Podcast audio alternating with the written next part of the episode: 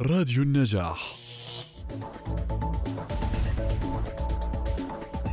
تدعو مؤسسة عبد الحميد شومان جميع الأطفال واليافعين للتسجيل في أنشطة النادي الشتوي لمكتبة درب المعرفة جبل عمان والأشرفية لعام 2022 في بلاد العجائب للفئة العمرية من السنة الثالثة وحتى 16 سنة وذلك من يوم الأحد الثاني من كانون الثاني وحتى يوم الخميس الموافق 20 كانون الثاني من الساعة الواحدة ظهرا حتى الساعة الخامسة مساء.